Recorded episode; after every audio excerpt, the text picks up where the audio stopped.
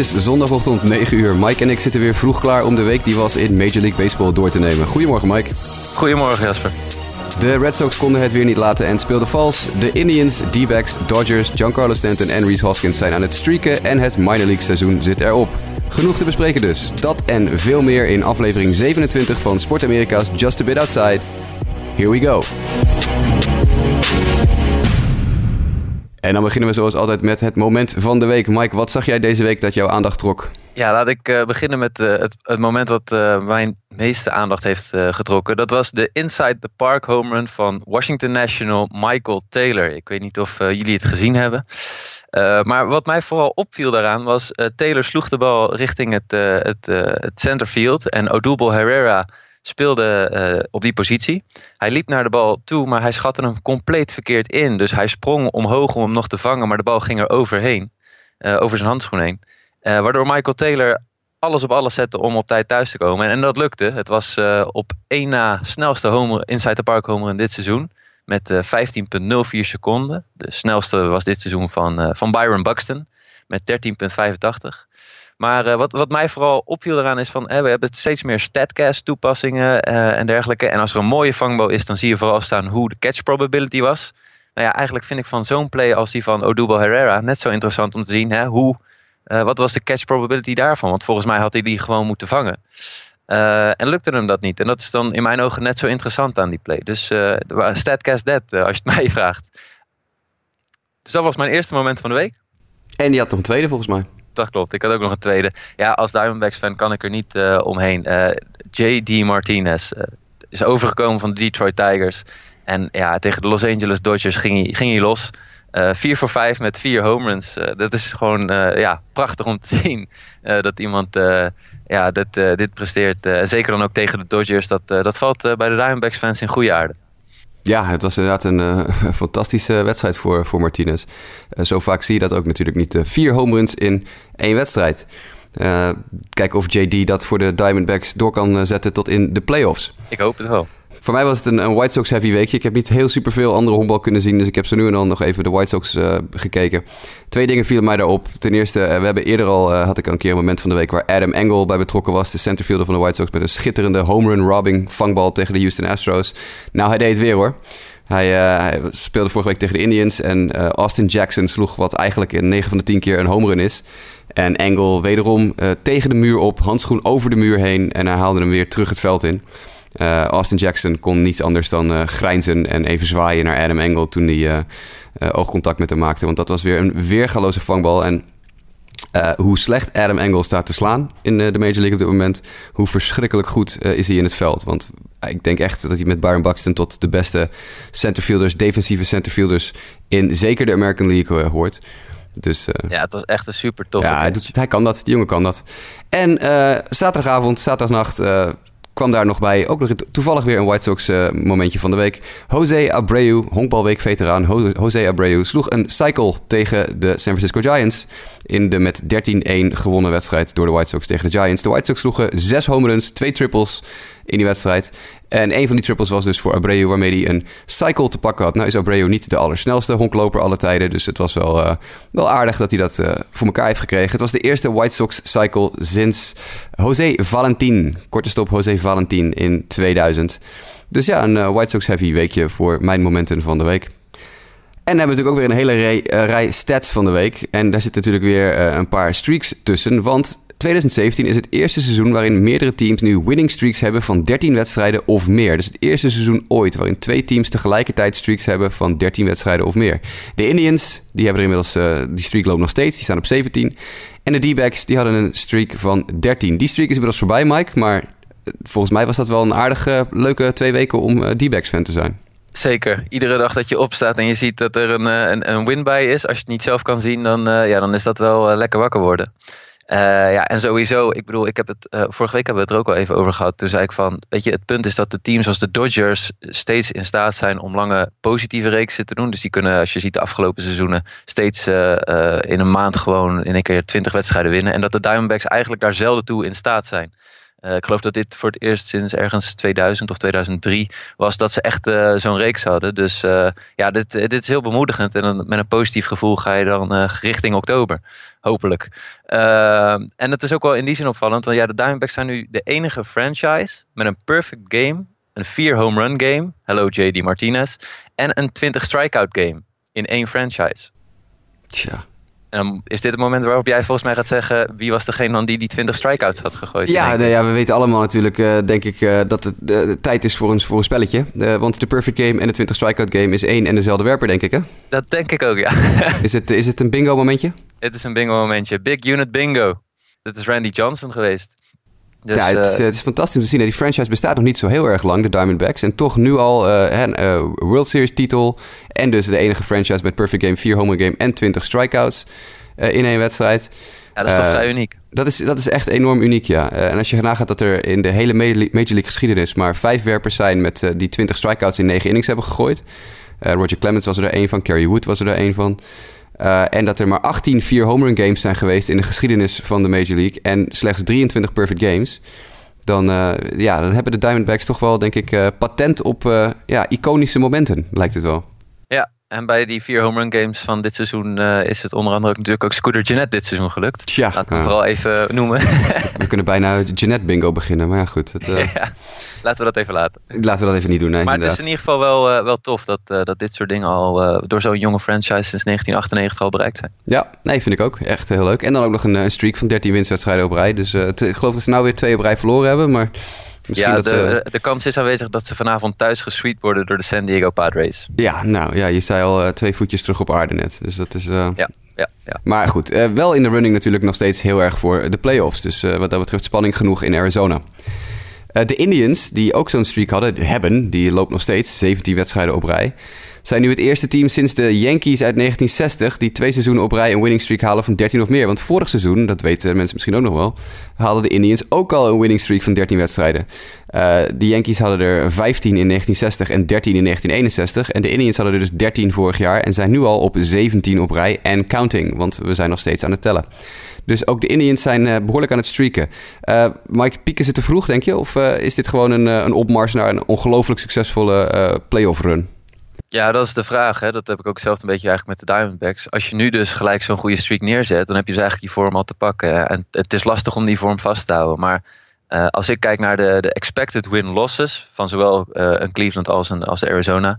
Uh, ja, die zijn eigenlijk nog, nog, nog beter dan dat ze eigenlijk nu spelen. De Indians zouden naar, volgens de statistieken eigenlijk 92 wins moeten hebben. En ze staan op dit moment op 86.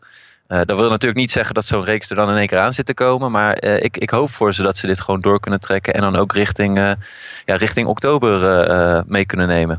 Ja, want als ze zo blijven spelen, dan... Ik liep vorige week natuurlijk heel vrolijk te roepen... de Astros, dat wordt de American League representative in de World Series. Maar de Indians zijn echt, echt gewoon heel erg goed nu... met 17 winstwedstrijden op rij. En ook echt, echt makkies hoor. Ze, ze winnen met twee vingers in de neus.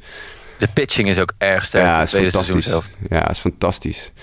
Dus uh, ja, de Indians kunnen nog wel eens een keer serieuze uh, moeilijke dingen gaan doen. Ook voor de Astros. Die zullen eventjes weer uh, een beetje gas moeten geven. Want die zijn natuurlijk al een beetje aan het freewheelen sinds eind april of zo. Ik moet, ik moet ook wel zeggen dat we hebben de laatste drie, vier weken ook steeds leukere series gekregen. doordat oktober zo dichtbij komt. Dat je echt krijgt van oké, er staat echt wat op het spel.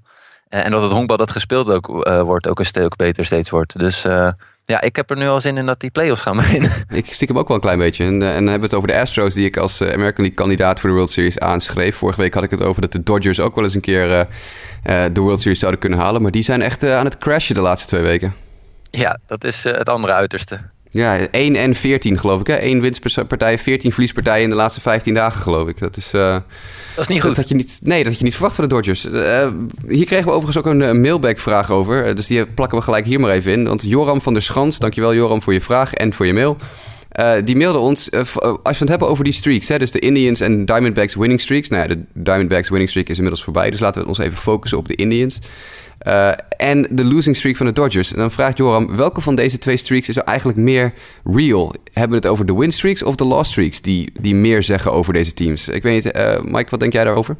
Mijn gevoel zegt dat de winning streak in dit geval van de Indians meer zegt. Ook omdat de Indians uh, in die divisie niet echt nog weg waren gelopen. En we het eigenlijk allemaal wel dachten dat ze het konden. Maar dan is het maar de vraag, lukt het ze? En als ze dan nu dat laten zien dat ze het wel kunnen, ja, dan zegt dat best wel veel over de staat waarin de Indians verkeren en hoe goed ze in, uh, in mijn ogen ook zijn. Uh, de Dodgers, omdat ze zo ver voor staan, heb ik zoiets van, ja, ik denk dat ze ergens ook gewoon steeds meer focussen op oktober. En dat dat misschien een beetje ten koste gaat van de motivatie om iedere wedstrijd voluit te gaan. Uh, dus in die zin, luister, ik, ik denk echt dat het oorlog is binnen de, in, de, in de kleedkamer van de Dodgers en dat ze totaal niet hier uh, tevreden over zijn. Maar aan de andere kant weten ze ook wel dat uh, het komt erop aan in oktober en, uh, en dan moeten ze er staan en, en vlammen. Dus ik, ik, ik denk dat dat iets minder zegt. Ja, nee, dat denk ik ook. Ik denk inderdaad dat de Dodgers de, het schip wel weten te rechten op, op een gegeven moment. Er zit te veel talent in dat team om dat, om dat niet te kunnen. Maar mentaal gezien, ze zijn nu twee keer gesweept door de Diamondbacks. En als de Diamondbacks de wildcard game gaan spelen en die zouden winnen, dan ziet het er nu nog steeds naar uit dat ze tegen de Dodgers zouden moeten uh, gaan opnemen. Uh, is interessant. Ja, dat, dan krijg je inderdaad te maken met uh, sowieso al die rivaliteit ook hè, tussen de Dodgers en de Diamondbacks. Die is al de laatste paar jaar stevig, stevig geweest. Met dat gedonder met die, met die zwembad kwestie toen in Arizona. Ja, klopt. Dus er is al behoorlijke rivaliteit tussen die twee teams. En als je dan inderdaad te maken hebt met een team in de Diamondbacks... dat de Dodgers een paar keer een klap op de broek heeft gegeven dan zou het zomaar kunnen zijn dat, uh, dat daar nog wel eens wat meer spanning op komt te staan op zo'n serie. Yes. Lijkt me leuk. Um, Reese Hoskins, uh, Mike, we moeten toch weer even terug naar Reese Hoskins, uh, onze knuffel, knuffel Philly. want die sloeg afgelopen week zijn veertiende home run sinds 1 augustus. En dat is, ja, dit is een fantastisch statje. Dat is ongelooflijk voor Hoskins. Hij is daarmee de eerste speler sinds Red Sox legende en Hall of Famer Ted Williams die 14 home runs slaat na 1 augustus, nadat hij na 1 augustus pas opgeroepen was, als je begrijpt wat ik bedoel. Dus ook Ted Williams in zijn eerste seizoen. Ja, het, is, het zijn allemaal van die hele obscure stetjes. Maar Ted Williams werd ook op 1 augustus opgeroepen in zijn eerste seizoen en sloeg dan ook 14 home runs. Hoskins doet dat ook. Uh, en dan hoor ik je, jou en, en mogelijk de luisteraars, de Yankee-fans, ook denken van... hé, hey, maar dat was toch Gary Sanchez vorig jaar ook? Want die sloeg er 20 in augustus. Of aan het einde van zijn, uh, van zijn, zijn seizoen. Ja, dat is ook wel zo. Maar Gary Sanchez had al één wedstrijd gespeeld voor 1 augustus vorig jaar. En die valt dus niet in dit statistiekje. Dus Reese Hoskins, de eerste speler sinds Ted Williams... die 14 home runs slaat na op 1 augustus opgeroepen te zijn. Dus dat is wel ja, indrukwekkend weer. Uh, alles aan Hoskins is indrukwekkend. Zelfs de strikeouts zijn indrukwekkend. Wat ik, dus wat dat, ik daarbij uh, ook nog wil zeggen. Het, hij heeft dus nu 14 home runs. Uh, dan zullen misschien ook weer critici gaan zeggen... ja, weet je, Philly-spelers laten lekker veel thuis. hij heeft er acht uitgeslagen en zes thuis. Ja, dus, nee, het, is, het, is, het, is, een lichtpuntje. Ja, precies, een lichtpuntje in ieder geval voor de Phillies. En ook, dat biedt weer hoop voor volgend seizoen. Hij kan slaan. Het is heel simpel. Uh, Reese Hoskins uh, weet hoe hij een honkbal moet slaan.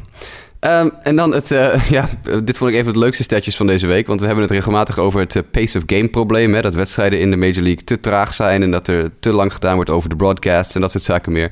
En toen begon afgelopen donderdag het NFL-seizoen, het American Football seizoen, waar de New England Patriots verloren verrassend van de Kansas City Chiefs in een heel vermakelijk duel. Het vermakelijk duel. Uh, maar uh, dan heb je het toch over pace of game. Uh, deze wedstrijd duurde 3 uur en 37 minuten tussen de Patriots en de Chiefs. De broadcast dan. en dat was langzamer dan, nou ja, je ongelooflijk 88% van alle MLB-wedstrijden dit seizoen was korter dan de seizoensopener van het NFL-seizoen. Dus misschien hebben we toch met het pace of game probleem niet zo'n heel groot probleem, Mike. Nee, dat zet het in ieder geval in perspectief, hè? ja, nee, echt 3 uur en 37 minuten, man. Dat is... Ja, maar goed. Uh, ik geloof dat ze daar wel wat aan gaan doen ook. Net zo goed als MLB hard gewerkt heeft aan het verkorten van commercial breaks en dat soort zaken, gaan ze dat geloof ik bij de NFL nu ook doen. Dus dat is wel, denk ik, verstandig. Uh, en het laatste, dit is niet echt een statje van de week, maar dit vond ik wel geinig om nog even te melden. Vorige week in de podcast riep ik dat de mooiste curves die ik dit seizoen gezien had van Max Fried van de Atlanta Braves en Lucas Giolito van de White Sox waren. En toen heb ik me wat verdiept in deze twee jongens. En dat is heel apart, dat blijken dus beste vrienden te zijn. Die zijn al sinds high school uh, beste vrienden. Daar speelden ze samen. Ze komen dezelfde high school vandaan. En ze waren ook nog eens tegelijkertijd uh, vorige week op de heuvel in dezelfde stad. Want Max Street gooide tegen de Cubs met de Atlanta Braves. En Giolito stond op de heuvel tegen de Tampa Bay Rays uh, aan de Southside in Chicago. Dus twee jeugdvrienden die een hele uh, middelbare schoolcarrière... en een stukje van hun Team USA-carrière samengespeeld hebben. Nog steeds beste vrienden zijn. De avond voor hun starts uit eten zijn geweest met hun families in Chicago. Allebei de families samen in een restaurant wat voorbereid op de start van de volgende dag. En dan allebei tegelijkertijd in dezelfde stad op de heuvel staan. En dan ook nog toevallig genoemd worden als de mooiste curveballs die in de Major League zijn op dit moment. Dus de connectie tussen Max Fried en Lucas Giolito was wel even, denk ik, het vermelden waard. Uh, en met deze stats van de week gaan we naar nieuws en notes. MLB News en Notes. En dan beginnen we met een in memoriam, namelijk uh, het overlijden van Gene Michael. Gene Stick Michael. Uh, Mike zegt de naam Gene Michael jou iets? Hij zou mij bekender moeten voorkomen dan, uh, dan, dat, dan, dat, dan dat het geval is. helaas is bij mij deze GM-naam wat minder blijven hangen. Ik denk dat dat voor heel veel mensen geldt, maar het is toch wel even het vermelden waard. Want dit is het brein. Hè, Gene Michael was het brein achter de Yankees Dynasty in de jaren 90. Deze man is uh, oud-speler van de Yankees, heeft van 68 tot 74 voor de Yankees gespeeld. Is GM geweest in 1980 en tussen 1990 en 1995. Zat sinds 1996 in de scouting van uh, de New York Yankees. En nu ga ik wat namen noemen, Mike. Uh, Gene Michael was de man achter het draften van Derek Jeter. Het, het binnenhalen van Andy Pettit, Mariano Rivera, Jorge Posada, Paul O'Neill, David Cohn, Tino Martinez, John Wetland. Het lijstje gaat door dit is de man die eigenlijk in zijn eentje zo'n beetje uh, de Yankees-dynastie uh, in de jaren, midden jaren negentig uh, heeft opgebouwd. en dat is toch wel een, een legende als je naar die namen kijkt. De, de, man natuurlijk die het gezicht van de Yankees van de laatste 30 jaar, Derek Jeter, gedraft heeft. Dan ben je wel een, een legende, denk ik. Zeker. hij, was, hij was 79, hij is overleden in Florida aan een hartaanval. Maar ja, toch even ere wie ere toekomt. Gene Stick Michael hele slimme speler ook geweest. Ik zag op internet staan dat hij vijf keer in zijn carrière de hidden ball trick succesvol heeft uitgevoerd. Dus uh, een sneaky, sneaky figuurtje. Die ongelooflijk uh, goed oog had voor talent. Dat, daar stond hij onbekend. Hij kon ongelooflijk goed zien of een speler potentie had of niet. En als je dan naar het lijstje kijkt met Jeter, Pettit, Rivera, Posada, O'Neill, Cohn. Nou, dat, dat kon hij wel. Maar als we dat toch over de Yankees hebben, Mike, en dit moet je me toch even uitleggen. De Red Sox en de Yankees zijn in een sign-stealing schandaal verwikkeld geweest. Ja, het, het eh, heeft best wel wat uh, commotie uh, veroorzaakt. Maar er, uh, er zijn, ja, de Red Sox Yankees speelden tegen elkaar. En toen zijn er door de Red Sox, ja, die hebben dus toegegeven dat ze vals hebben gespeeld, om maar even zo te zeggen. Ik weet niet exact precies hoe het zit. Misschien kan jij er zo meteen iets meer over vertellen. Maar het komt erop neer in ieder geval dat, dat de Red Sox met behulp van, van ja, smartwatches vandaag de dag de signalen van, de, van de Yankees doorgaven. Ja, unheard of. Nog nooit meegemaakt, toch? Of jij wel? Nee, nou, dit is een, een, weer een nieuwe manier van, van cheating inderdaad. Hè. Het lijkt wel alsof teams uit de Boston-regio wat, wat vaker hiermee gepakt worden. Na de Celtics en de Patriots, nu ook de Red Sox gepakt op het gebruik van verboden elektronische hulpmiddelen om een voordeel te halen in wedstrijden tegen belangrijke rivalen. Het ging inderdaad om een Apple Watch, geloof ik. Ze, ze hebben een, een, een, de, de Yes Network broadcast of zo, die viel, die viel dat op. Uh, dat er uh, mensen van de Red Sox zaten te kijken naar de, de tekens van de, de catcher. Die vervolgens vanuit het centerfield via een smartwatch doorgestuurd hebben naar de dugout. De dugout heeft het vervolgens, daar hebben het gekraakt. Hè? Die, die tekens die kan je niet meteen zien wat het is. Dus je moet eerst even goed kijken, een paar innings van oké, wat betekent wat. En toen hebben ze het gekraakt, doorgestuurd naar de dugout. De dugout heeft het weer doorgepraat naar de rest van de spelers. En dan werd vervolgens gesigned vanuit de dugout naar de loper op 2 uh, daar werd tussen gecommuniceerd van welke pitch er aankwam. En dan kon de loper op twee dat weer communiceren naar de slagman. Als je begrijpt wat ik bedoel. Dit, dit klinkt wel enigszins van, van tevoren opgezet. Ja, dit is een absoluut systeem waar ook de spelers uh, bij betrokken waren. Want anders kan je dat natuurlijk niet uitvoeren. Dus vanuit het centerfield, vanuit, vanuit achter het hek naar de dugout uh, naar de speler op twee, die het weer doorstuurt naar de, uh, de, de slagman. Die dan dus precies weet welke pitch eraan komt. Of het een fastball wordt of een curveball wordt. En dat is natuurlijk gewoon vals spelen. Nou staat er niks in de regels tegen sign stealing. Je mag, uh, je mag in principe gewoon, als je slim genoeg bent om te ontdekken wat de tekens van de tegenstander betekenen, mag je die informatie gebruiken. Maar het gebruik van elektronische hulpmiddelen is absoluut niet toegestaan. En smartwatches zijn natuurlijk elektronische hulpmiddelen. Dus de Red Sox die, uh, die gaan gestraft worden. Dat, de straf is niet heel erg hoog, uh, lijkt het te gaan worden. Want de Red Sox hebben van het begin af aan meteen meegewerkt en gezegd... nou ja, oké, we zijn gegokt en verloren, we zijn gepakt. Ze zeiden, we zullen jullie eens vertellen hoe we dit doen. ja, nee, blijkbaar wel. Ja, het was een beetje een relletje nog, zag ik. Want op een gegeven moment dachten ze zelfs dat... dachten de Yankees dat Doug Fister een oortje in had. Maar hij had gewoon zijn, eh, zijn bitje, hij had zo'n mondbeschermer, zijn mouthguard had hij over zijn oor hangen. En iedereen had bij die Yankees iets van, oh kijk, Fister heeft een, heeft een oortje en die krijgt informatie doorgestuurd. Maar het bleek dus inderdaad gewoon een, een mouthguard te zijn. Maar die Yankees hadden wel gelijk als het op uh, het, het sign aankwam door middel van een Apple Watch. Dus nou ja, goed. Uh, zo, zo, gaat het over en weer. Hè. We hadden toch ook uh, Pineda met zijn Pintar, geloof ik, ergens. Weet je, dus tussen deze twee teams gaat wat dat betreft over en weer. Maar ik vind dit wel een beetje in die zin next level dat ik denk van je probeert nu met elektronische middelen en zo best wel ja, ver een voordeel te krijgen. Ja, want dingen als mobiele telefoons en zo mogen niet in de dugouts meegenomen worden in de MLB. Daarom hebben ze ook nog steeds die ouderwetse bullpenphones. Uh, maar ja, niemand had ooit iets gezegd over horloges. Dus ja, nou, dan maar een horloge meenemen. Het is uh, next level thinking, zullen we maar zeggen. Ja. Uh, ik denk niet dat de Red Sox hier heel erg veel van gaan merken hoor, in de toekomst. Ik denk dat dit gewoon een kwestie wordt van nou, een, een, klein strafje, misschien een boetetje of zo en doorgaan. Want nogmaals, ze hebben goed meegewerkt bij, bij de Red Sox, gegokt en verloren. Dan gaan we naar uh, een andere speler die niks met de Red Sox te maken heeft. Maar uh, Will Venable. Zegt de naam Will Venable jou nog wat, Mike? Dit is een, een callback als, naar een paar jaar geleden. Ja, als, als fantasy-speler was Will Venable altijd wel een, een interessante naam bij de Padres. Toen. Ja, ja, die kon altijd wel leuke streaks halen volgens mij. En volgens mij is de streak voorbij bij Will Venable nu. ik denk het wel, ja. Hij stopt met honkballen. Dus Will Venable is met pensioen. En uh, sterker nog, hij wordt uh, assistent bij de Chicago Cubs. Ja, daar zit een, een link, hè, geloof ik. met, hij heeft natuurlijk inderdaad, wat je zegt, lang bij de Padres gespeeld. En bij de Cubs heb je natuurlijk Jed Hoyer en, en Jason McLeod. Twee ex-Padres front office medewerkers. dus die kennen Venable nog uit zijn Padres tijd. En inderdaad, volgens mij wordt Venable nu assistent van de assistent of zo. als ik het goed begrepen heb je moet ergens uh, beginnen. Maar het is, het is wel opvallend. Uh, we hadden het er ook nog uh, daar straks al even over. Van, hè, hoe vaak zie je nou dat een, een, speler stopt en dus ook direct gelijk een, een, een functie gaat bekleden binnen een MLB-organisatie? Meestal zit daar wel enige tijd tussen. Nou, nou is Will Venable ook al sinds 2016 niet meer in de Major Leagues. maar toch opvallend iets. Ja, hij is nog niet heel oud nog. Dus uh, dat wordt uh, een toevoeging voor de Chicago Cubs. En ik weet niet precies wat zijn functie gaat worden. Of het koffie halen, kopiëren of iets anders wordt. Maar hij uh, gaat in ieder geval samenwerken met Jed Hoyer en Jason McLeod bij de Chicago Cubs. Uh, waarvoor, lijkt wel een interessante functie. Ja, dat lijkt me hartstikke leuk. Heeft hij hartstikke goed gedaan. Dat zijn, af en toe dan zie je zo'n speler hè, die ineens uh, doorheen uh, druppelt. Een paar jaar geleden had je Chris Getz, tweede honkman Chris Getz... die bij de Kansas City Royals aan de gang is gegaan meteen na zijn carrière. Die eigenlijk gewoon bij wijze van spreken tegelijkertijd met zijn, uh, dat hij zijn handtekening onder het contract met de Royals zette om daar in de front office te gaan werken, dat hij uh, zijn contract, zijn spelerscontract liet ontbinden, dat hij met pensioen ging. En dat heeft Venable dus nu ook voor elkaar. Gewoon meteen door, automatisch door en in, in baseball blijven. Nou, dat, als je dat geluk hebt, als je dat kan doen, dan denk ik dat je dat zeker moet proberen. dan hadden we nog even Hugh Darvish. Want Hugh Darvish heeft een record gezet van de week. Hugh Darvish is de snelste pitcher die duizend strikeouts heeft gegooid. Hij deed dat in de wedstrijd tegen de Colorado Rockies. Uh, en dat is natuurlijk best wel een, uh, een, mooie, een mooie feature. Hij verloor de wedstrijd wel uh, van Colorado. Of hij kreeg in ieder geval vijf punten ook tegen.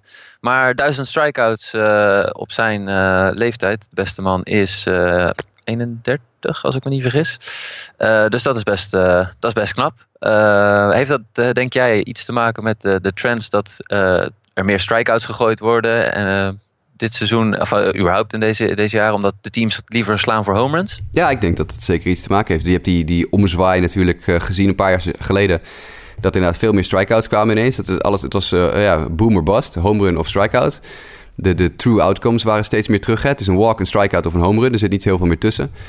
Dus ik denk zeker dat Darvish geprofiteerd heeft van uh, de free swinging uh, atmosfeer die op dit moment in Major League Baseball heerst. Maar ja, goed, dat neemt niet weg dat hij natuurlijk uh, nog steeds een fantastische werper is. Die ook al als strikeout pitcher uit Japan kwam. Maar het feit dat hij dit heeft kunnen doen tijdens een periode waarin hij ook nog een jaar eruit is geweest met Tommy John. en nog steeds de snelste pitcher ooit wordt. Dat is toch wel, ja, denk ik indrukwekkend. Het is knap. Ja, ja, ja. ja. Het is een seizoen totaal record is in 2013 bij de Texas Rangers 277 strikeouts in één seizoen. Ja, Nou, dat is behoorlijk indrukwekkend. Ja, dat is absoluut waar. Ja. Dat, uh, dat zijn geen, uh, geen uh, te onderschatten getallen.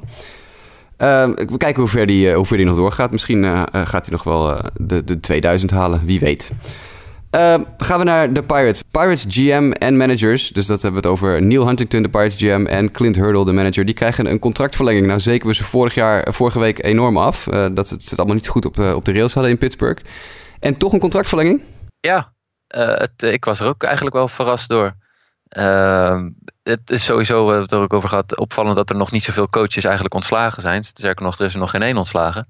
Uh, maar een contractverlenging voor vier jaar vind ik toch wel, uh, ja, dat, dat zegt veel over het vertrouwen dat de GM en de, en de coach blijkbaar krijgen in een, in een seizoen waarin de Pirates, ja, weet je, een beetje middle of the pack zijn. ze hebben op dit moment 67 overwinningen en, en 76 nederlagen. Nou ja, met een beetje geluk weten ze nog een beetje tot 500 te komen in de komende weken. Uh, maar dat is voor de Pirates denk ik toch wel een beetje teleurstellend ook wel uh, voor dit seizoen. Nou, ik vind het inderdaad vooral opvallend dat het een vierjarige contractverlenging is. Dat, is, uh, dat vind ik voor een team dat, dat de laatste paar jaar eigenlijk elk, elk jaar zou moeten meedoen voor een divisiewinst. qua talent wat er aan zat te komen. vind ik dat een stevige, dat is gewoon een hele nieuwe window die ze daar inbouwen eigenlijk. Van oké, jullie hebben nu weer vier jaar om te laten zien wat je waar kan maken. En dat hebben ze eigenlijk de laatste paar jaar niet kunnen doen. Nee, nee, precies. En uh, ja, dat, uh, ik ben benieuwd. Uh, vaak zijn we in de honkbalwereld en überhaupt in de sportwereld met een kort geheugen zoiets van: oké, dit seizoen werkt het niet. Trainer eruit, GM eruit en we gaan het opnieuw proberen. dus wellicht dat het wel ja, juist het kiezen voor stabiliteit helpt. Maar ik, ja, ik ben het met je eens. Er zat toch eigenlijk meer in de mogelijkheden van de Pirates, dachten we allemaal dit seizoen en denk ook in de afgelopen seizoenen. Ja, nou is Clint Hurdle wel denk ik een erg goede manager. Ik, ik, over het algemeen vind ik wel dat hij leuke dingen heeft uh, weten te doen met de teams die hij gehad heeft. Maar dit seizoen lopen ze inderdaad een beetje stroefjes. Dus misschien dat Clint eventjes de boel weer op de rails krijgt na zijn contractverlenging. Ik had, ik had tegen jou, uh, zei ik het ook al, ik had gedacht dat ze eigenlijk uh, eerder dan twee jaar zouden geven. En dan misschien nog met een optie erbij. maar nee, vier jaar is, is commitment. Ja, nou ja, we zullen zien wat, wat ze ervan weten te maken. Um, dan hebben we weer een hurricane-update. Vorige week hadden we het over Hurricane Harvey en de week ervoor over wedstrijden die verplaatst zijn. En ook nu weer moet er uh, een wedstrijd verplaatst worden. Klopt. Uh, dit keer gaat het uh, om de series van, als ik het goed heb, de Yankees tegen de Rays. Yep. En die wordt verhuisd naar City Field. Dus eigenlijk een beetje een thuiswedstrijd voor de Yankees nog steeds. Uh, maar uh, ja, nee, dat, uh, dat, helaas zijn de weersomstandigheden de laatste tijd zeer, zeer slecht. En komt de een na de andere orkaan aan land in, in de Verenigde Staten. En dat heeft gevolgen. En net als de Tour de France ja, gaat ook altijd door, blijkt de honkbal ook altijd door te gaan. Dus worden, worden wedstrijden gerelocated naar, relocated naar andere bestemmingen. Dus deze serie wordt in New York gespeeld. Ja, uh, ook uh, hier heeft Montreal weer een aanbod gedaan. Hè. Die uh, hebben toch weer gebeld van... hey, volgende Hurricane, we hebben nog wel een stadion... dus als je daar een wedstrijd wil laten spelen, dan kan dat. Maar opnieuw heeft MLB het aanbod afgeslagen... en houden ze de boel binnenshuis... en gaan ze dus inderdaad naar City Field in New York... het stadion van de New York Mets... waar die Yankees ik vraag, me af, ik vraag me dan wel af... Uh, want dit, dit, was eigenlijk best wel... Hè, aangezien Montreal de vorige keer ook het aanbod had gedaan... kan je best denken van... nou ja, weet je, we hebben nu een series, ook van de Rays... Dat is misschien ook wel qua fanbase een beetje, uh, ik zeg niet hetzelfde als Montreal, maar uh, kunnen wel steun gebruiken. En als Montreal dan helemaal leegloopt voor die drie wedstrijden, dat is misschien wel leuk. Uh, maar dat, dat is dan niet het geval. Dus ik, ik twijfel ook gewoon, heeft MLB niet zoiets van... ja, bepaalde condities van het stadion hebben we vraagtekens over... en we willen dat de inspecties eerst gedaan worden... voordat we zeggen van we kunnen hier spelen. Dat er zoiets misschien achter zit. Het zou kunnen, maar ik denk dat het voornamelijk te maken heeft met het feit... dat uh, uh, MLB de, de reistijden van de teams wat wil minimaliseren. En ook hier vergeldt natuurlijk Tampa, Florida, naar Montreal. Dat is een behoorlijk stukje vliegen. Ja, uh, en dan heb je denk ik liever wat dichter bij huis. En dan was New York City Field blijkbaar het beste alternatief. Want je krijgt natuurlijk ook te, ma je hebt te maken met uit- en thuiswedstrijden van andere teams en zo. Dus nou, ja, blijkbaar paste dit het beste. Ik denk, uh, ja, ik denk dat dit gewoon een kwestie was van uh, het allemaal zo dicht, zo dicht, mogelijk bij Florida houden als, uh, als kon. En nou ja, dat is City Field geworden. Het viel mij toch wel op, ook bij die andere wedstrijden die, die dan verplaatst worden, dat er toch ook best wel veel supporters nog steeds op afkomen. Ja, nou ja, de honkbalfans reizen. Ja, dus niet dat ze voor echt lege stadions uh, staan of iets dergelijks. Nee, vaak vinden mensen uit een, een, bepaalde stad ook wel eens geinig om een keer een team te zien dat ze niet eerder gezien hebben. En natuurlijk, zeker de Yankees hebben natuurlijk een fanbase die uh, wijd en, uh, en, en ver ver verspreid zit. Dus je hebt altijd wel wat fans van teams die normaal gesproken niet naar wedstrijden van hun team kunnen omdat ze ergens anders wonen. Weet ik veel. Yankees fans die in LA wonen of wat dan ook. Nou, dat heb je natuurlijk hier ook, denk ik. Ik denk dat er wel wat, wat lokale, wat geherlokaliseerde fans bij zitten. Um, overigens over de hurricane-situatie uh, gesproken. Dit gaan we toch even noemen. Uh, de Atlanta Braves, dat, die hebben de prijs uh, de dam-dam van de week, hoor, voor mij. die, ja. die, die hebben even niet op zitten letten van de week. Want de Braves en de Marlins speelden tegen elkaar in het stadion van Atlanta in SunTrust Park. En terwijl de Miami Marlins, die dus, uh, ja, waar in Miami al bezig ge ge gehouden wordt met Hurricane Irma en het, het veilig maken van de stad en het, de, de potentie dat die orkaan die stad even helemaal aan gruzelementen gaat uh, rammen, vond de stadionspeaker in Atlanta het nodig om uh, Rock You Like a Hurricane van de Scorpions te spelen tijdens de wedstrijd tegen de Miami Marlins. Nou, dat is denk ik, ja, dan ben je echt een ontzettende dam-dam. Ja, de, de Atlanta Braves hebben hun excuses aangeboden inmiddels. Maar dat is natuurlijk. Het is wel een, een heel gaaf nummer. Maar dat, er, is een tijd en een plaats om uh, dat soort liedjes te spelen, denk ik. Dat was niet dat moment. Dat was zeker niet dat moment. Maar en zeker niet, zeker niet tegen de Miami Marlins. Over de Miami Marlins gesproken. Uh, ik weet niet of jij dat gezien hebt, maar gisteren heeft Giancarlo Stanton zijn 54ste home run al geslagen van, van dit seizoen. En we hebben het er eerder ja. over gehad, uh, 55, zodat, uh, maar toen waren er ook al geruchten over, nou, hij wil zelf richting de 60 gaan. Gaat hij het halen, volgens jou? 60 home runs. Ik hoop het. Ik zou het geweldig vinden als hij het haalt. Uh, ik, ik vind het echt weergaloos wat hij staat te doen op dit moment, uh, Giancarlo Stanton. Het is, gaat allemaal ook weer ten koste van zijn slaggemiddelde. En hij heeft veel strikeouts, maar alles wat hij hard raakt tegenwoordig vliegt het stadion uit. En 54 homers hebben we ook al jaren niet gezien, hè? Nee, zeker niet. De laatste was, was, weet jij dat? Uh, volgens mij 2010, José Bautista. Dus we hebben was, ja, zeven jaar niet een speler gezien die de 54 homers gehaald heeft. Dus wat, wat Giancarlo doet is echt, uh, ja, dat is bijna historisch te noemen. Maar je uh, ziet ook wel dat het gelijk ook weer extra publiciteit genereert voor MLB en interesse. Iedereen wil weten, hè, gaat hij ja. het halen, ja of nee? Dat, dat is ook weer positief, uh, denk ik. Ja, de home run race is aan. Hè? Op dit moment gaat hij de 60 of de 61 halen. Dat zou toch wel een, een dingetje zijn. Dan ben je toch, uh, nou ja, quote-unquote, beter dan Babe Ruth. Want die is er nooit de 60 over gegaan. Dat, dat is wel een aardige vergelijking. Ja, toch? ja. ja. Um, ja, we houden Giancarlo in de gaten. Uh, playoff Watch. Uh, we, we, hebben het al heel regelmatig over teams die nog in de running zijn. Er zijn ook teams uit de running. En dat wordt dan op een gegeven moment officieel. En dat noemen we dan toch maar even. De Philadelphia Phillies en de San Francisco Giants zijn officieel uitgeschakeld van elke kans om de playoffs te halen. Nou, dat zat er natuurlijk al een tijdje aan te komen. De Phillies en Giants zijn de bottom two teams in baseball. Dus het zat er al een tijdje aan te komen. Maar nu zijn ze officieel uitgeschakeld voor de playoffs. In de loop van deze week komt daar een derde team bij. Dat zijn de Chicago White Sox. En dan zijn ze met z'n drieën. Ik denk, ook, ik denk ook een vierde team. Jij denkt ook een vierde team? Ik denk ook. Ik zie nu zojuist dat Cincinnati. Oh, uh, ja, ja. Vier, vier wedstrijden. Uh, en dan is het ook over, als het goed is.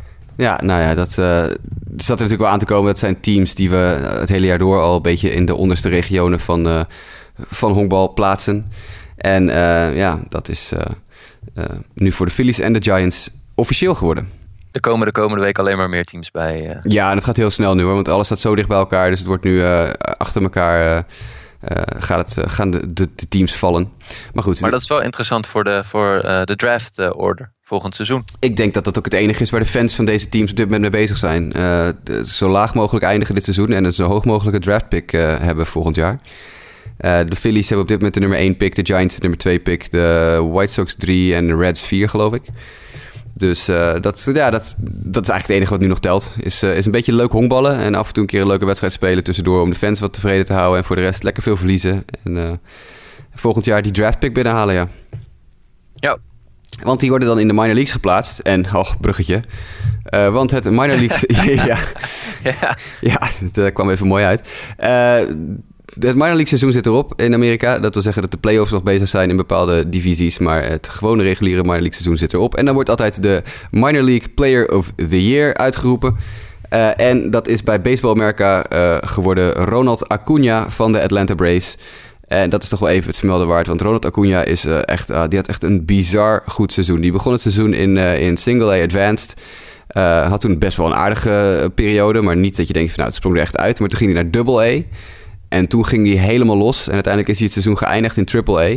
En de, ook daar had hij totaal geen moeite met, zijn, met de tegenstand. Hij sloeg in AA 326 met 9 home runs, 30 RBI's en 19 steals. En in AAA sloeg hij in e precies evenveel slagbeurten, 221 slagbeurten, sloeg hij 344 met 9 home runs, 33 RBI's en 11 steals. Een OPS van 940 in AAA. Deze jongen, uh, Mike, is 19 jaar oud. Ja, dit is, dit, is, dit is er eentje op in de gaten te houden. Ja, dit is, deze jongen wordt, wordt veel vergeleken met uh, ons wel bekend Andrew Jones. Die ook natuurlijk uh, in het Brave systeem gezeten, gezeten heeft een tijdje. Het is ook een outfielder. Maar die heeft een, een, als, een, als een meteor schiet hij op dit moment door de minors heen. Voor, eind vorig seizoen speelde hij uh, in Australië, winterball, tijdens de winter. En daar brak hij echt door. En toen had de Braves zoiets van... Oh, misschien hebben we echt een, een hele goede speler hier. En vandaar dat ze hem vrij agressief gepromoot hebben... van single A naar double A naar triple A dit seizoen. En ja, in eh, dit is gewoon heel indrukwekkend. Het is uh, 557 at-bats heeft hij dit seizoen gehad over de drie niveaus. En slaat 325 ja, met 44 gestolen honken en 21 home runs. Ja.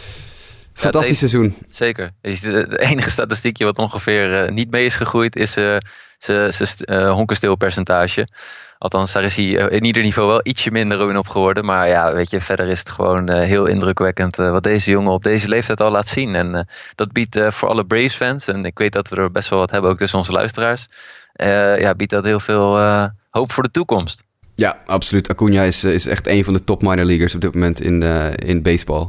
En ik denk dat het terecht is dat hij, gezien ook de sprongen die hij gemaakt heeft, door baseballmerken uitgeroepen is tot minor leaguer of the year. Volgens mij heeft MLB.com ook uitgeroepen tot minor leaguer of the year of USA Today. Dat houdt me even te goed. Dat heb ik even niet meer op mijn netvlies staan. Uh, en uh, ja, volgens mij is het USA Today. Uh, eh, MLB.com heeft Vladimir Guerrero Jr. uitgeroepen, volgens mij, tot Minor League of the Year. Maar ik, ik ga wat meer voor Acuna, want dat is echt ja, is fantastisch wat hij dit seizoen gedaan heeft. 19-jarige Venezolaan. Um, en dan wordt ook aan het eind van het minor league seizoen altijd het minor league all-star team genoemd door Baseball America. Die kiezen dan de beste spelers uit voor twee teams, twee all-star teams. Een aantal van die spelers hebben wij toch eerder dit seizoen wel genoemd, Mike, in de podcast. Dus zullen we even een lijstje doorlopen? Lijkt me goed. toegevoegd aan het All-Star team van Baseball America, Reese Hoskins. Daar is hij weer, onze knuffel Philly. Bo Bichette is genoemd door ons eerder dit seizoen als heel hoog slaggemiddelde. Die is aan toegevoegd. Nick Senzel van de Cincinnati Reds. Fernando Tatis Jr. van de Padres, fantastisch seizoen. Ronald Acuna, daar is hij weer. Austin Hayes van de Baltimore Orioles. Die komt zo meteen ook nog een keer terug, want daar hebben we nog een ander nieuwtje over. Eloy Jimenez van de White Sox. Vladimir Guerrero Jr. ook al een paar keer genoemd als echte top minor leaguer. Uh, jouw uh, Arizona's John Duplantier. Heb jij informatie over John Duplantier? Want die hebben niet heel veel genoemd nog. Nee, maar die heeft wel een ongelooflijk sterk seizoen uh, gegooid. sterker nog, hij had in de minor leagues een ERA van 1,39 u hoort het goed, 1,39. En daarmee is hij de op één na beste starting pitcher wat dat betreft uh, in een volledig seizoen in de minor leagues. Uh, alleen staat hij daarbij achter Justin Verlander, die in 2005 wow. een ERA had van 1,29. En het minor league systeem van de Diamondbacks is al niet zo diep, dus dit is wel, laten we zeggen, een positief nootje daarin. Ja, zegt dat wel, ja. ja, dat, ja hij heeft echt indrukwekkende cijfers. Een slaggemiddelde tegen van uh, 192 een whip van 0,98. Dus ja, dat zijn wel, dit zijn wel goede, goede. En strikeout per 9 van 10,9. Dus hopelijk weet hij dit volgend uh, seizoen door te zetten.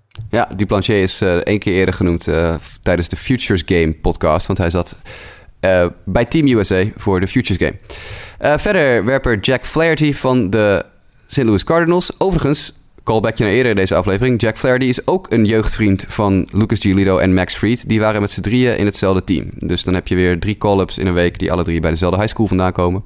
Als we iedere week een, een, een vriend noemen van die gasten, dan hebben we aan het eind het hele netwerk in beeld. Ja, ja, ja, ja.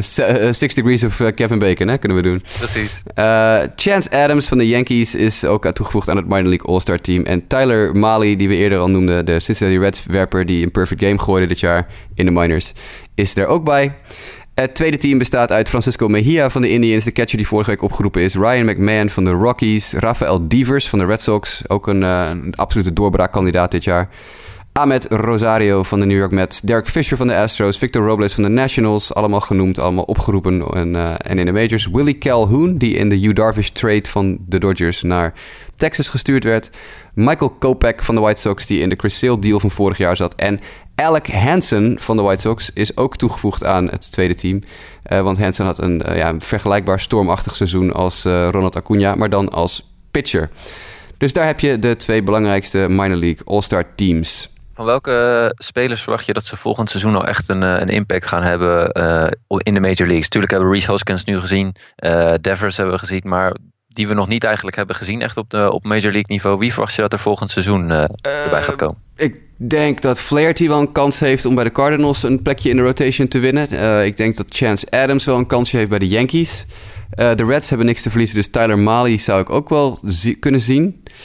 Uh, Ryan McMahon bij de Rockies, denk ik. Mejia bij de Indians. Rosario bij de Mets. Dat wordt gewoon de start en de korte stop van de Mets volgend jaar. Derek Fisher van de Astros, denk ik dat we definitief in de majors hebben. Uh, dat is het denk ik voor nu wel even. Ik, Acuna heeft een kans. Heeft in theorie een kans om volgend jaar de majors te zien. Maar nogmaals, hij is 19. Hij, hij moet nog 20 worden. Eind van dit jaar wordt hij 20. Dus dat, dan zou hij wel heel jong zijn. Ja, aan hem om te laten zien, net als toen met Chris Bryant en uh, volgens mij toen ook met Jason Hayward, ga los in spring en je hebt zeker een kans. Ja, nee zeker. En ik geloof ook dat uh, Nick Markakis, die nu rechtsveld speelt bij de Braves, aan het eind van dit jaar zonder contract zit. Dus dan is er wel een plekje voor hem vrij bij de Braves. Dus Acuna, dat, dat zou nog wel eens een keer leuk kunnen worden. de rest denk ik dat ze nog te jong zijn of nog een, in ieder geval een, een periode van uh, van uh, seasoning nodig hebben in de minors. Er werd door de Director of Player Development van de White Sox gezegd dat Michael Kopech een kans heeft om uh, in springtraining mee te doen om een rotation plekje te winnen. Maar ik heb persoonlijk het idee dat hij dat niet moet doen. Ik denk dat ze hem gewoon nog even een half jaar in AAA moeten stallen en hem dan op moeten roepen. Want die, die, ja, dat moet je ook geen risico's mee nemen, dat soort jongens. nog meer jongens die een impact maken, maar die maken hem nu al. Want we hebben weer call-ups van de week. Ook al eerder genoemd, Walker Bueller van de LA Dodgers is eindelijk uh, in de majors. 100 mijl per uur fastball van Walker Bueller is te bewonderen in LA. Victor Robles, de super prospect van de Washington Nationals, is in de majors. JP Crawford van de Phillies, de top prospect van de Phillies, na Reese Hoskins, is nu in de majors. Uh, Luis Gohara van de Atlanta Braves, linkshandige werper, is in de majors. En Austin Hayes, de top prospect van de Baltimore Orioles. Uh, dat zijn de call-ups van deze week. Uh, deze jongens kunnen geen impact meer maken overigens voor de playoffs. Want ze zijn te laat toegevoegd aan het roster om nog op de playoff rosters te kunnen. Dat lijkt me wel even een goede noot inderdaad. Ja, zeker voor de mensen... Dodgers en de, en de, Nationals natuurlijk, ja. Precies, voordat je inderdaad inschakelt in oktober en je denkt, waar blijft Walker Bueller nou? Ja, nee, precies. Dat, die is dus te laat toegevoegd aan het team. Dus uh, helaas, maar geniet nu van hem als het kan. Want uh, ja, dat is, het is een geweldige werper. Um, en dan gaan we even terug naar de echte majors. Dit was een heel blokje minor leagues, want ja, het seizoen is afgelopen, dus dan kunnen we het nog mooi één keer benoemen. Maar er gebeurde in de majors ook weer wat. Jij kwam uh, met dit verhaal van de week, Mike, en ik moest, uh, ik moest er erg om lachen. We hadden het vorige week over Juan Nicasio, die uh, door de Phillies geclaimd was van de, van de Pirates en gratis over overgedragen was aan Philadelphia. En toen gebeurde er weer van alles, hè? Ja, vervolgens werd hij, werd hij geruild naar de St. Louis, St. Louis Cardinals voor infield prospect Elisier Alvarez. Sorry, zeg ik dat goed? Kijk, en uh, als ik jou moet geloven, want jij had inside information over Alvarez, is dat niet echt uh, een hele slechte prospect om terug te krijgen uh, als je voor de Phillies bent. Nee, ja, volgens mij nummer 11 bij de Cardinals. Dus dat is best wel een, dat is een top 20 prospect.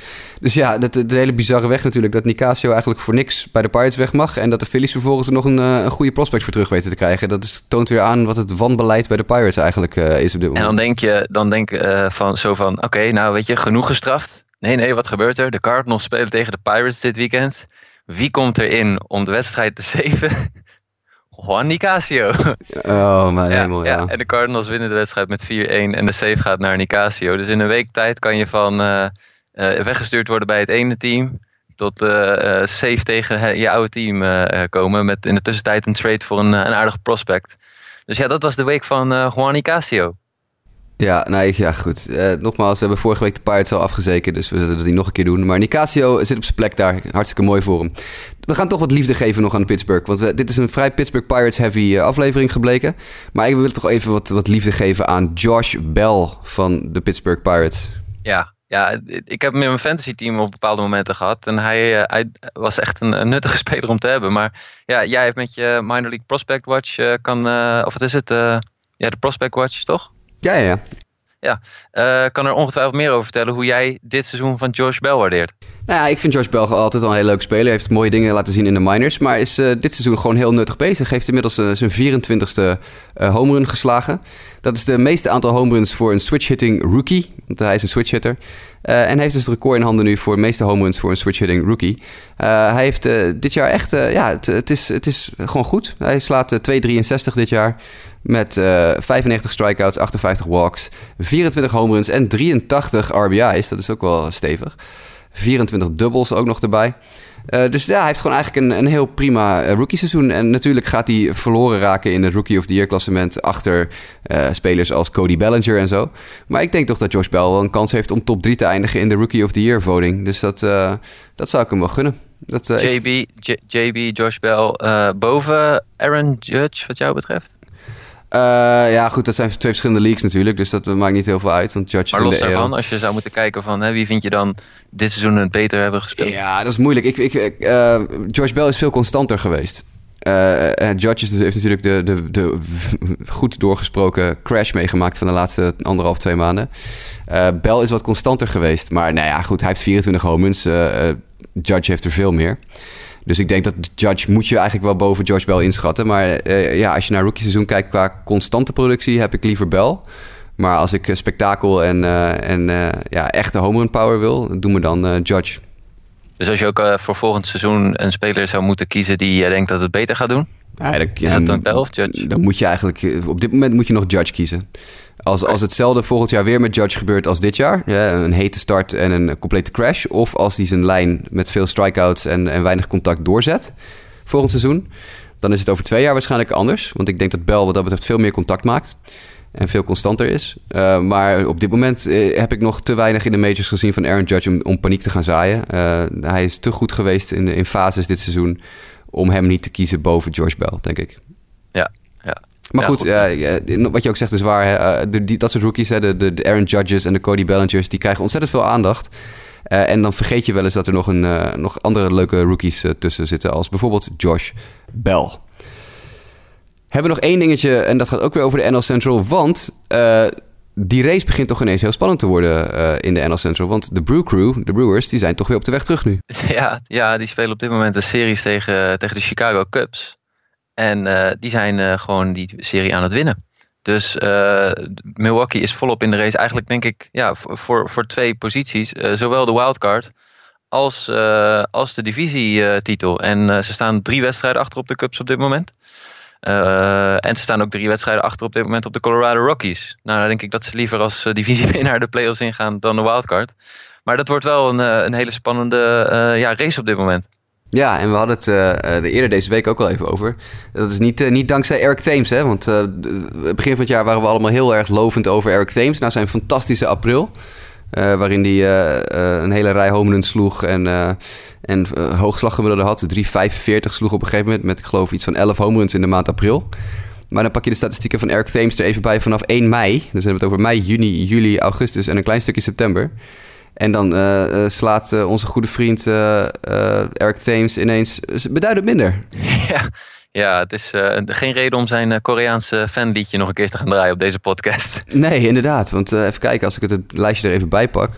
dan slaat Eric Thames sinds 1 mei 208 slaggemiddelde met 17 home runs. Waar hij er in april dus 11 sloeg, heeft hij in de 5,5 maand daarna heeft hij er 17 bij elkaar geslagen. Dat is ook niet echt om over naar huis te schrijven. Dat is uh, uh, drie per maand of zo. Uh, zijn on-base percentage is 316 en zijn slugging is 432. Dus dit is niet. het, is, het, het feit dat de Brew Crew nog steeds in de running is voor de NL Central, heeft in ieder geval niet aan Eric Thames gelegen. Dat, nee, dat lijkt me wel weer duidelijk. Dat heeft aan andere spelers, die hebben daar meer in bijgedragen waarschijnlijk ja, dat is toch jammer, want ik was aan het begin van het seizoen heel erg uh, pro Eric Thames. Inderdaad, het Koreaanse fanliedje erbij en alles. Maar hij is een beetje uh, terug op aarde, denk ik. Ja, maar wat wel spannend is in deze race ook dat over. Uh, nu hebben we nog een, een serie tussen de Cubs en de, en de Brewers. En over twee weken is er ook nog een vier-game series in Milwaukee. Cubs tegen, tegen de Brewers. Dus ja, dan, dan zal het er denk ik echt op aankomen. Als het gat dan drie wedstrijden is, dan kunnen de Cubs de Brewers afhouden van de divisietitel? Of, uh, of gaat Milwaukee echt uh, een hele spannende race ervan maken? Nog spannender dat hij nu is. Ik, uh, ik hoop het wel hoor, stiekem. Ik, ik zou het wel heel geinig vinden. Er werd in Cupsland al een beetje... Een paar weken geleden was het al even van... Nou, nee, we zijn weer helemaal terug op de rails en er is niks aan de hand. En we zijn alleen maar aan de playoffs aan het denken nu... en aan het plannen voor de playoffs. En dan komt er toch ineens uit het niets weer zo'n team tevoorschijn... dat zegt van ja, wacht even, wij zijn er ook nog. Uh, en dat vind ik dan uh, vind ik wel leuk. En je kan echt gewoon ook serieus buiten de boot vallen voor de playoffs. Ik bedoel, weet je, als, als Colorado constant blijft gaan, hè, die hebben nu ook weer gewonnen van de, van de Dodgers. ja, dan zijn de Cubs in één keer gewoon niet bij de playoffs erbij. Ja, eh, wie had dat van tevoren voorspeld? Ja, nou, dat zou wel een dingetje zijn hoor, als dat gebeurt. Poeh, dat, daar gaan ze niet blij mee zijn. Eveneens maar goed, trouwens, zover... even een shout-out naar St. Louis, die gelijk staan met Milwaukee. Ja, ja, ja, ja, ja, het kan nog alle kanten op in die divisie. Het is, het is misschien wel de spannendste divisie in, uh, in baseball op dit moment. Dat, uh, waar natuurlijk de American League is totaal niet spannend eigenlijk. Uh, is de National League in de Central vooral heel erg spannend. Dus nou, we houden het weer in de gaten zoals altijd. Want de Brewers vlak ze niet uit. Ze zijn, nogmaals, al vanaf het begin van het seizoen mijn dark horse team. En ik vind het leuk dat ze het zo lang volhouden. Had ik niet gedacht. Ehm, dan zijn we er doorheen, Mike. Uh, het is een wat kortere aflevering geworden, maar ja, we, tijdnood enzovoort enzovoort. En niet zo heel veel nieuws. Uh, dus we gaan nog even één dingetje doen. Dat is uh, Series and Stories to Watch. Wat ga jij deze week kijken? Ik ga deze week kijken naar de Cleveland Indians tegen de Kansas City Royals. En dat is een serie in Cleveland. En ik heb het vermoeden dat Cleveland dan gewoon gaat clinchen. Dat zou, het, dat zou snel zijn. Dan, ja, het, het zou heel als, als we zo doorgaan, dan is er weinig wat ze tegenhoudt. Nee, dus, inderdaad, als die streak nog langer doorloopt. Ja, ja, ja, ja. Dus, uh, maar het is, het is nog wel het is een beetje opportunistisch ingestoken. Want ik, ja, Minnesota heeft nog wel een kans. Maar ik denk, weet je, als de tussenstukjes net even goed vallen deze week, dan uh, is er volgende week een feestje. Nou, dat uh, gunnen we Cleveland dan ook wel van harte voor deze keer. Uh, ik ga Dodgers at Nationals kijken. Twee uh, ja, toch playoff-bound teams, die, uh, waarvan de Dodgers natuurlijk een wat mindere periode doormaken. Dus hier hebben de Nationals de kans om, inderdaad, wat we het eerder in de podcast ook al over hadden, omdat jij zei, hè, de, psychologische aspect van de Diamondbacks die een paar keer winnen van de Dodgers. Dat kan natuurlijk hier. De Nationals kunnen ook een psychologische tik uitdelen aan de Dodgers als ze in Washington de Dodgers een, een sweepje om hun oren weten te, te slaan. Ja. Dus, uh, en uh, ik denk ook dat Washington, uh, als ik het even heel snel zo bekijk, ook naar de. Ik zit even te kijken naar de standen en de elimination numbers. Dat Washington het begin van de week ook zijn divisietitel binnen heeft. Want ik geloof dat ze nog twee wedstrijden moeten winnen en dan is Miami uitgeschakeld. Dus dan hebben ze de divisie binnen. Dus wellicht dat de champagne dan ook uh, nog meespeelt in die, in die matchup. ja, ja, en een tikje uitdelen aan de Dodgers om, uh, met het oog op de playoffs. Dus dat, ja. uh, dat zou heel goed zijn, denk ik, voor Washington. Dat maakt het allemaal ook weer spannender tegen die tijd. dat was hem. Mike, we zijn er doorheen. Dankjewel dat jij op deze heel, heel, heel vroege zondagochtend op tijd je bed uit wilde om een podcastje te draaien. Yes, jij ook bedankt. Heb een fijne zondag. Dank je. luisteraars, ontzettend bedankt voor het luisteren. Willen jullie in contact komen met de show? Uh, kan van alles zijn. Uh, uh, love mail, hate mail, mailback vragen, mag allemaal. Justabitpodcast at gmail.com Justabitpodcast at gmail.com The email so nice, we say it twice. je kan ons ook via Twitter benaderen. At JWKev is Justin. At MDijk90 is Mike. En at Jasperoos, dat ben ik. Sportamerika is te vinden via at Sportamerika op Twitter. En facebook.com slash Sportamerika op Facebook. Hartstikke bedankt voor het luisteren en tot volgende week.